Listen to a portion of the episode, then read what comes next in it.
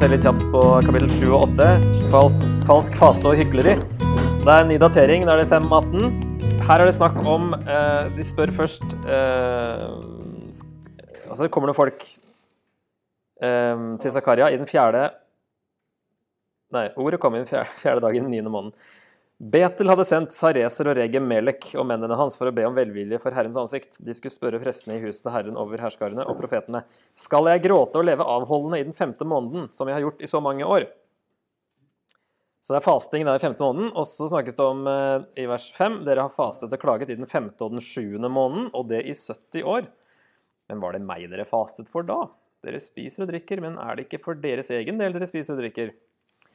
Eh, og så er det snakk om enda flere måneder de faster i. Eh, I 8.19 så sier Herren over herskarene fasten i den fjerde, i den femte, i den sjuende og i den tiende måneden skal bli til fryd og glede for Judas hus og til glade høytidsdager. Så disse månedene her, fjerde måned og femte og sjuende og tiende, er eh, knytta til tempelets fall, mest sannsynlig. Fjerde måned var da babylonerne brøt gjennom bymuren. Femte måned var da tempelet ble ødelagt, så det er jo den de spør om først her. Den er jo størst. Å sørge over at tempelet ble ødelagt. Kanskje de lurer på skal vi sørge over det nå, nå som tempelet er snart gjenoppbygd? Er det, er det noe vits å, å sørge og faste over disse tingene av tempelet falt? Og så er jo hele problemet at eh, det var jo feil faste hele veien, egentlig.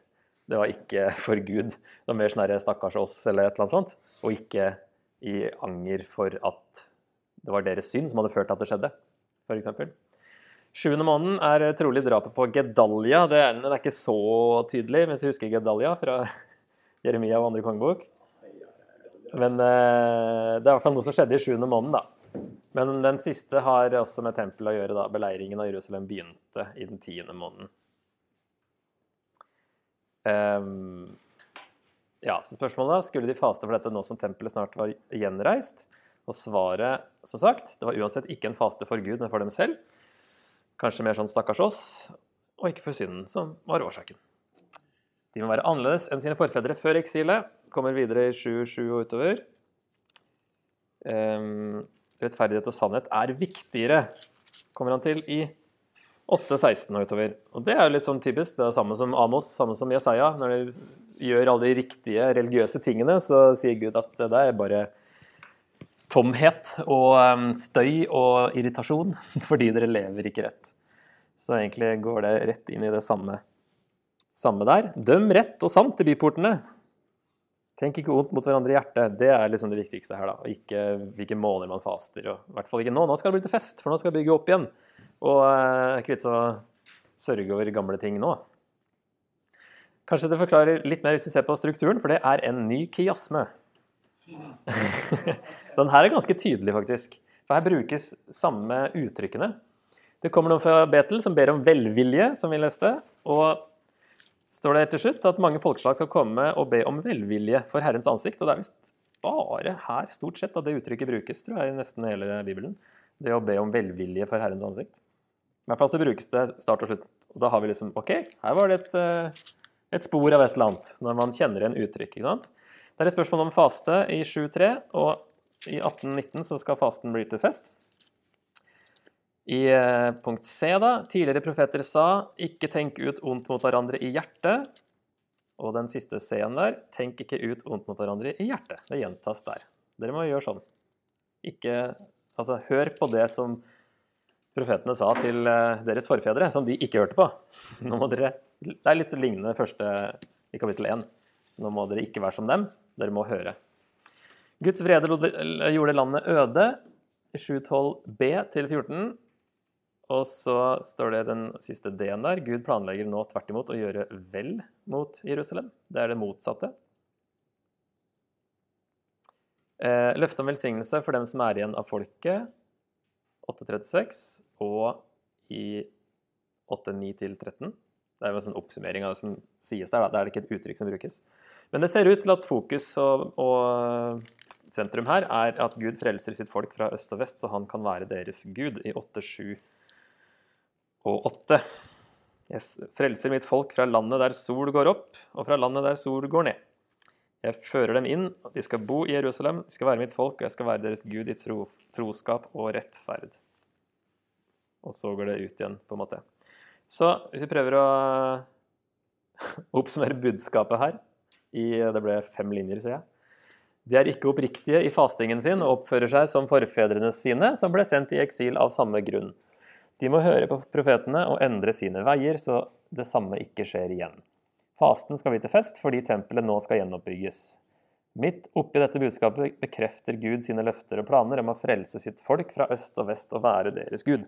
Det er jo et langt overraskende svar på spørsmålet. Skal vi faste i 15 eh, måneden? Ja eller nei? Så kommer det en hel kiasme over to kapitler der Gud eh, kommer med dette øst og vest, og jeg frelser folk, og de skal bo her og skal være min Gud. ikke sant? Det er innstillingen du må ha. Skal, at dere Ja. Fokus må endres litt igjen til å ha fokus på Gud, og at, han, at de skal være hans folk. Eh, igjen så kan dette bety israelitter som var spredt overalt, som skal komme fra øst og vest. Det er jo folk som er spredt altså De versene er fra Jeremia snakker om at de skal bli spredt til alle landene. Ikke bare Babylon, men det blir spredt i mange land. Nå er for så vidt Babylon var liksom, dekka jo mange land, da. Verdensmakten Babylon. Så det kan jo være det at det blir spredt rundt i hele riket. Og at det er i hele babylonske riket. Trenger ikke å være i Babylon sentrum, liksom. Så, så det verste er som virker som at det var flere som var spredt rundt omkring. Eh, det er ikke så mye vest, i hvert fall ikke rett vest, da, det er jo Middelhavet. Men kommer liksom fra nordvest og sørvest, kanskje. Um, og kommer tilbake. Men så blir dette her òg enda større i Jesus når Gud frelser sitt folk fra, en enda, fra enda lenger øst og vest og fører dem til seg for å være deres Gud. Mange flere hedninger enn jøder vil tro på Israels Gud. For det kommer helt på slutten her, at uh, i de dager skal ti mann av alle språk og folkeslag gripe tak i kappefliken til én judeisk mann og si, la oss få gå med dere, for vi har hørt at Gud er med dere. Så kommer de ti på én. Sånn generelt bilde, da, det blir ti ganger så mange hedninger som jøder. Og det er vel mye, mange flere ganger enn det i eh, globale menighet. Eh, etter første generasjonen har det jo blitt ganske mange flere. Men det er et bilde, da, at det skal liksom bre seg ut enda mer igjen. Ja, så Jeg tenkte å ta det her ganske kjapt ved å liksom oppsummere det mest med denne strukturen. da, som, Fordi eh, vi skal bruke litt eh, tid på slutten her, og så skal vi få avslutta det ordentlig. For det blir bra, tror jeg. Så nå kapittel 9 til 11. Her er bildet av en, en horisont. Fordi nå virker det som tempelet er ferdig oppbygd, for dette er et udatert utsagn. Det er sannsynligvis etter 516 da, at tempelet er ferdig. Eh, og eh, Zakaria ser litt lenger fram. Det har liksom vært sånn fokus på å få tempelet ferdig og bygge og omvende dere. Og nå blir det litt annet fokus, der han kanskje ser da utover på si, mot horisonten i framtiden. Eh, så er det heldigvis litt Jesus her og der som eh, siterer, eh, siteres i Nytestamentet, sånn at vi kan holde oss litt på Jesus-sporet utover her. sånn. For det er Spesielt 9-11 er noe av det vanskeligste, nevnte jeg vel her i går. Hvis vi skal dele opp 9-11 litt mer, så er det kapittel 9. Kongen kommer til Jerusalem. Kapittel 10 og 11 handler om dårlige gjetere, som har ført til at uh, folket ble spredt, men Gud skal styrke og samle dem. Og Det er jo et litt kjent tema som vi har sett før, da. Så skal vi prøve. Den første eh, biten tar vi 9.1 til 10. Så ramses det opp noen eh, naboland. Damaskus, Tyros, Sidon Damaskus er helt i nord. Tyros og Sidon kommer liksom sør-vest for det. Eh, Ashkalon, Gaza, Ekron i vers 5. Det er jo filisterbyer. Det er jo liksom plutselig sør-vest for uh, Israel. Eh, jeg gjør ende på filisternes stolthet, står det. Vers 7. Jeg skal fjerne blodet de har i munnen, det motbydelige de tygger på.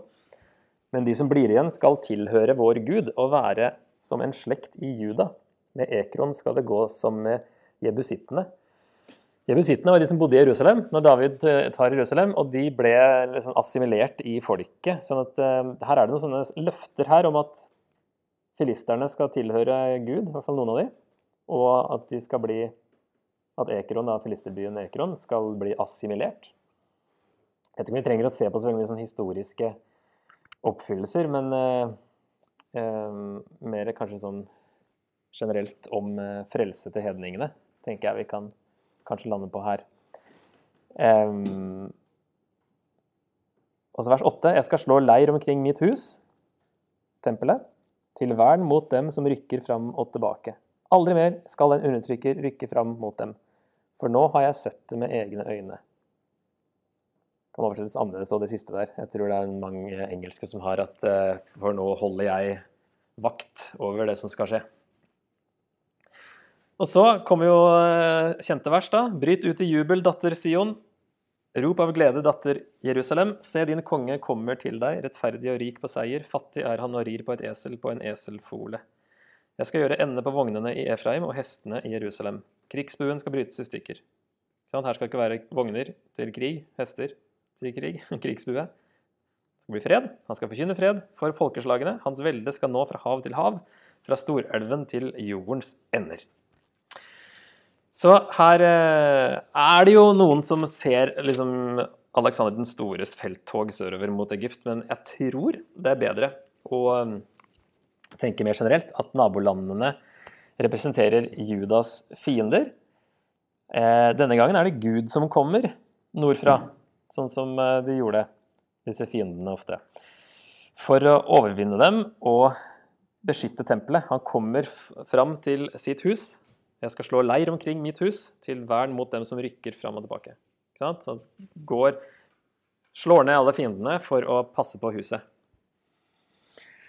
Og så er det de her tingene som gjør at det virker litt større enn en vanlig jordisk militær eh, invasjon av en eller annen fiende, som f.eks. Alexander den store, er dette her med at eh, noen av filisterne skal bli en del av folket, og, eh, og at plutselig kommer en en konge på et esel. Så noen av fiendene skal tilhøre Gud, og når han kommer til Jerusalem, blir det tydelig at det er et menneske som rir på et esel. Ja. sånn at eh, det virker som en invasjon som kommer, og så er det, når det kommer til sin egen by, så er det Hæ? En eh, på et esel. En ydmyk. Her står det 'fattig'. da. Det kan også oversettes 'ydmyk', som det gjør i Matteus. Eh, en sånn annen konge, annen type konge som kommer. Kommer ikke på en stor eh, hest, men på et esel. Og kommer med fred. Så det her er det jeg kaller for Jesus-glimt nummer én av fire utover her, som gjør at vi kan holde oss litt på det sporet. da. Her er det jo spiren egentlig som kommer. Hvis vi ser inn, innafor boka, så er det jo spiren som har vært liksom denne personen som skal komme en gang. Og her kommer han til Jerusalem. Han kommer for å bygge Herrens tempel, står det i 6.12, og beskrives som en konge i 6.13, som vi så på i stad.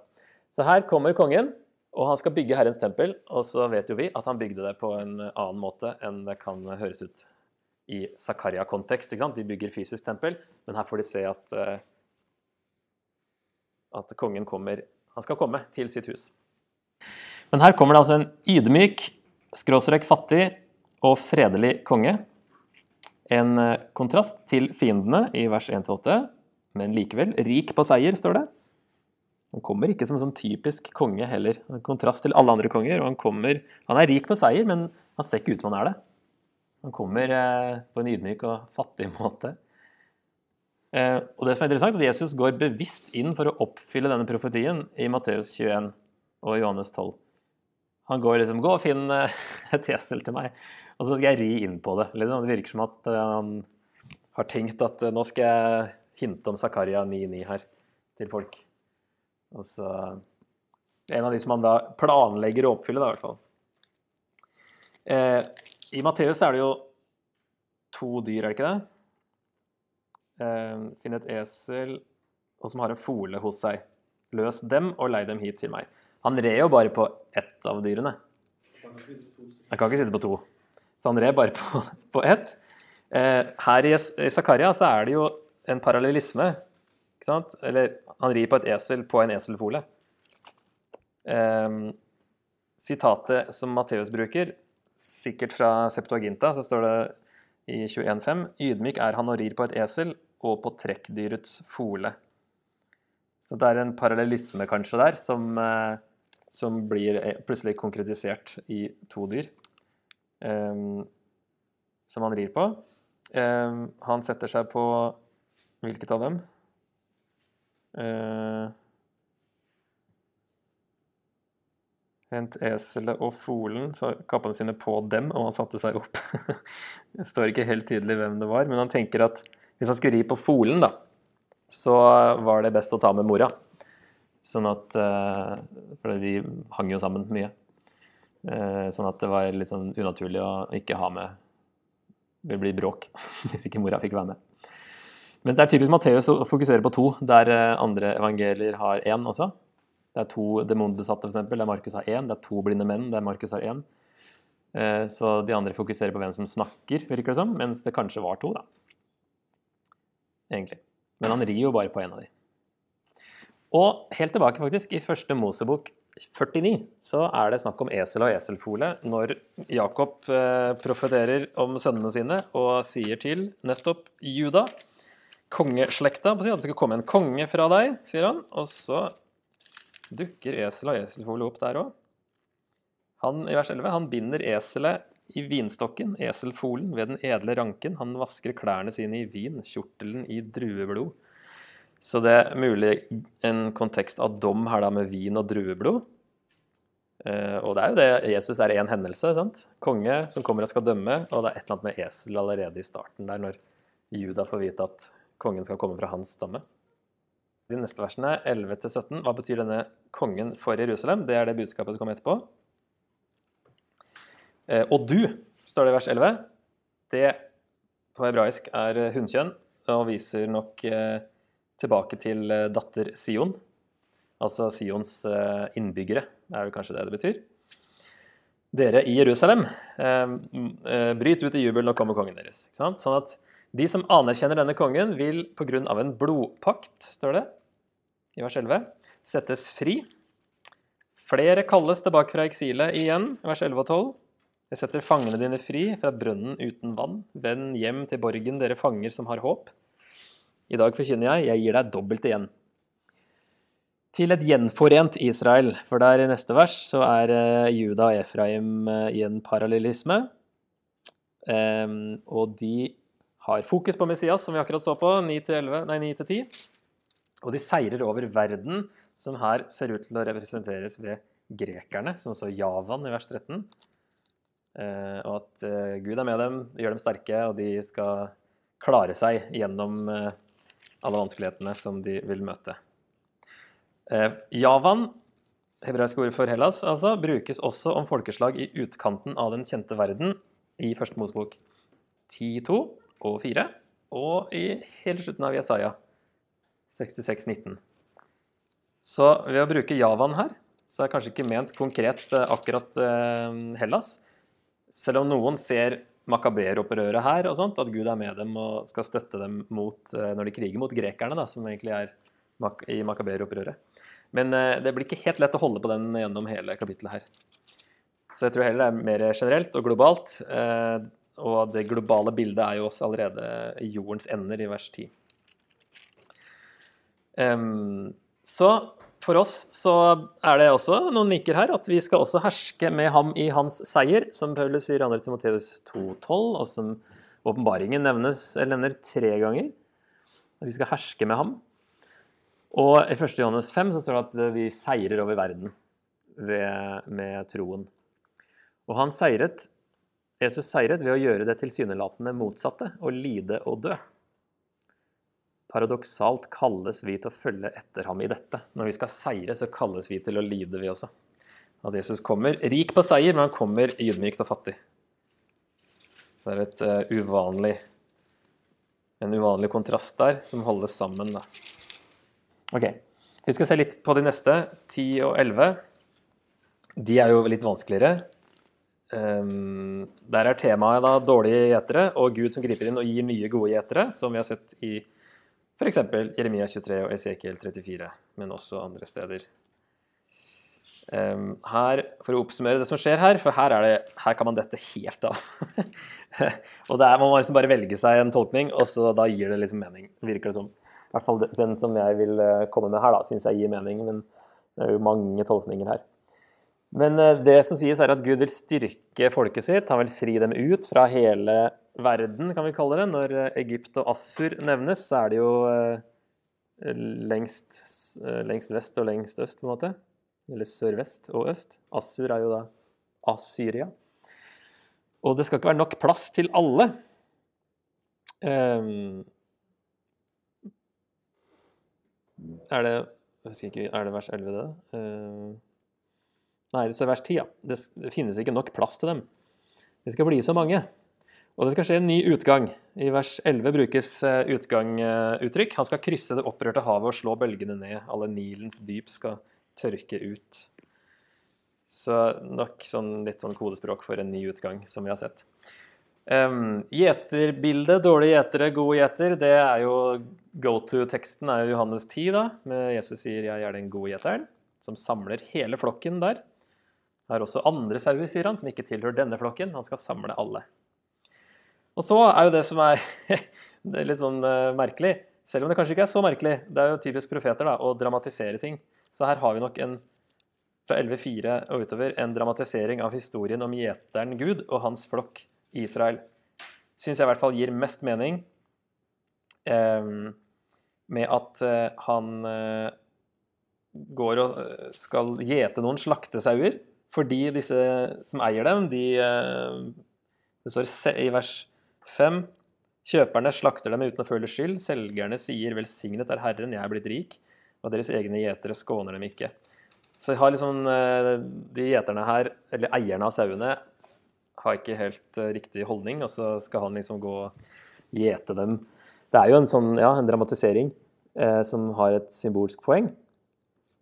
Så jeg tror det da gir mest mening å tenke at dette er eh, en gjenfortelling av historien fra før eksilet, der Gud er gjeteren og folk er flokken. Men allerede ja, I vers 7 så står det jo at jeg, så gjette jeg slaktesauene for sauehandlerne. Jeg tok meg to staver. Den ene kalte jeg godvilje, den andre kalte jeg enighet. Og jeg gjette sauene. Så der har vi liksom noe symbol med en gang. To staver med navn. Og så kommer det Jeg utryddet de tre gjeterne på én måned. Og der er det da eh, det beste forslaget, syns jeg, selv om jeg ikke har sett på alle, for det fins over 40 forslag til hvem disse tre gjeterne er. Hvis vi ikke tar én måned bokstavelig, så kan det være de tre siste judakongene. da. Joakim, Joakim og Sidikia. Det gikk jo ganske fort på slutten mellom de der. Men ikke konkret én måned, for det har man ikke klart å finne tre liksom, ledere som ble fjerna på én måned. Så jeg tenker at det kan være et uttrykk for kjapt. Eh, og at det, da, det passer i hvert fall inn i gjenfortellingen av historien. Eh, så står det i vers 9, eh, nei, videre i 8, mener jeg, jeg mistet tålmodigheten med sauene. De ble også trette av meg. Det er jo det som skjer eh, før eksilet, at Gud eh, gidder ikke mer. og folket ville jo aldri, egentlig, høre. Vers 9, jeg sa, jeg vil ikke gjete dere. De som holder på å dø, får dø. De som går til grunnene, får gå til grunnene, og de som er igjen, får ete kjøttet av hverandre. Og det er jo kanskje også en link til det som står i kongebøkene, at de faktisk eh, måtte spise menneskekjøtt i beleiringen. Ja. Så tok jeg min stav godvillig og knekket den. Jeg ville bryte pakten som jeg hadde sluttet med alle folkene, og den ble brutt den dagen.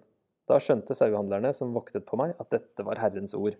Så her bryter Gud pakten med alle folkene. Nå er det jo trolig Israels stammer som er folkene her. Eh, da de ble sendt i eksil, for det er ikke det vanlige hebraiske ordet for folkeslagene som brukes. Eh, det er folkene, liksom, så det kan være stammene det er snakk om. Det, det passer i hvert fall inn i, i, eh, hvis vi holder oss til denne gjenfortellinga av historien-tolkningen. Og så eh, kommer det et Jesus-glimt igjen. Jeg sa til dem, om dere finner det for godt, så gi meg lønnen min. Hvis ikke, så la det være. Da veide de opp lønnen min, 30 sølvstykker. Men, men Herren sa til meg, Kast den inn i skattkammeret, den kostelige summen jeg er verdt for dem. Og jeg tok de 30 sølvstykkene og kastet dem inn i Herrens hus i skattkammeret. Så knekket jeg den andre staven, enighet, for å bryte brorskapet mellom Juda og Israel. Så sauehandlerne mener han er verdt 30 sølvstykker i lønn, men han kaster denne kostelige summen. De fleste tar det som sarkasme. At liksom denne, å, det var så mye penger.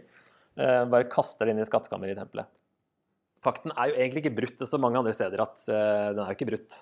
Men her i bildet her så brukes det uttrykket, da. Men du finner andre vers som Ja. Ja, jeg tror det. Fordi du finner andre vers som vil eh, balansere det litt.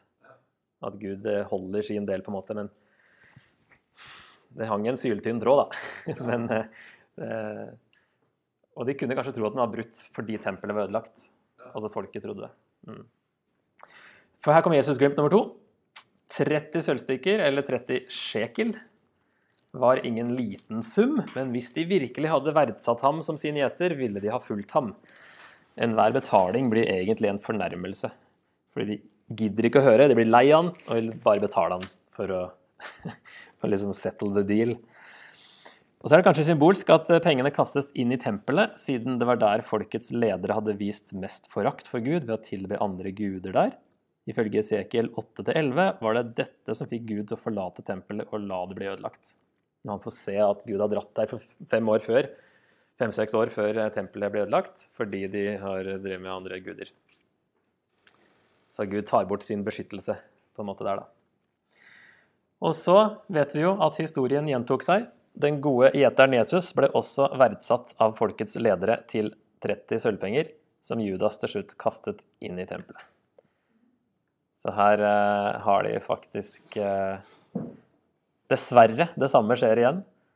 Um, og at denne dramatiseringa til Zakaria faktisk uh, peker helt fram på Jesus her, og at uh, den gode, store, nye gjeteren blir heller ikke hørt på, blir avvist og finnes Eller syns han er like mye verdt, det.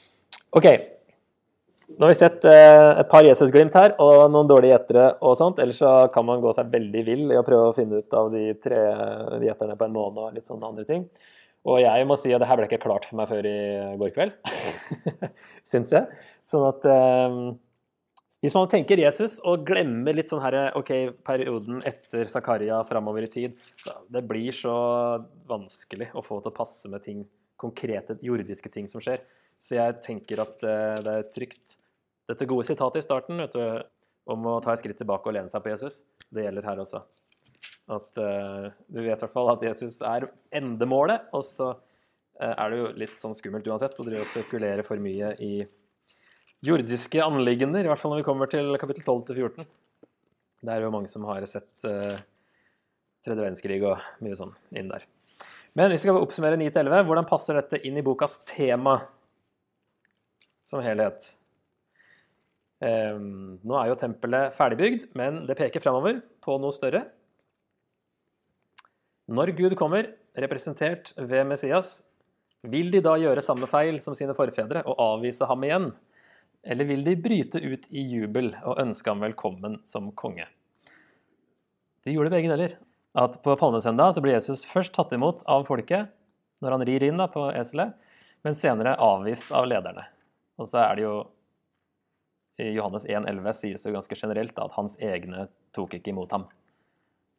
Eh, selv om han blir hilsa eller si, Hosianna og som kommer velsignet være han du som kommer i Herrens navn, så er det ikke sikkert at det er de samme personene som snur seg mot han senere. Det kan jo være der er folket, og så er det lederne som eh, avviser han. Men generelt ble han avvist, selv om selvfølgelig mange trodde på han også. Men når lederne avviser, så kanskje man sier at det, da er det generelt folket avviser.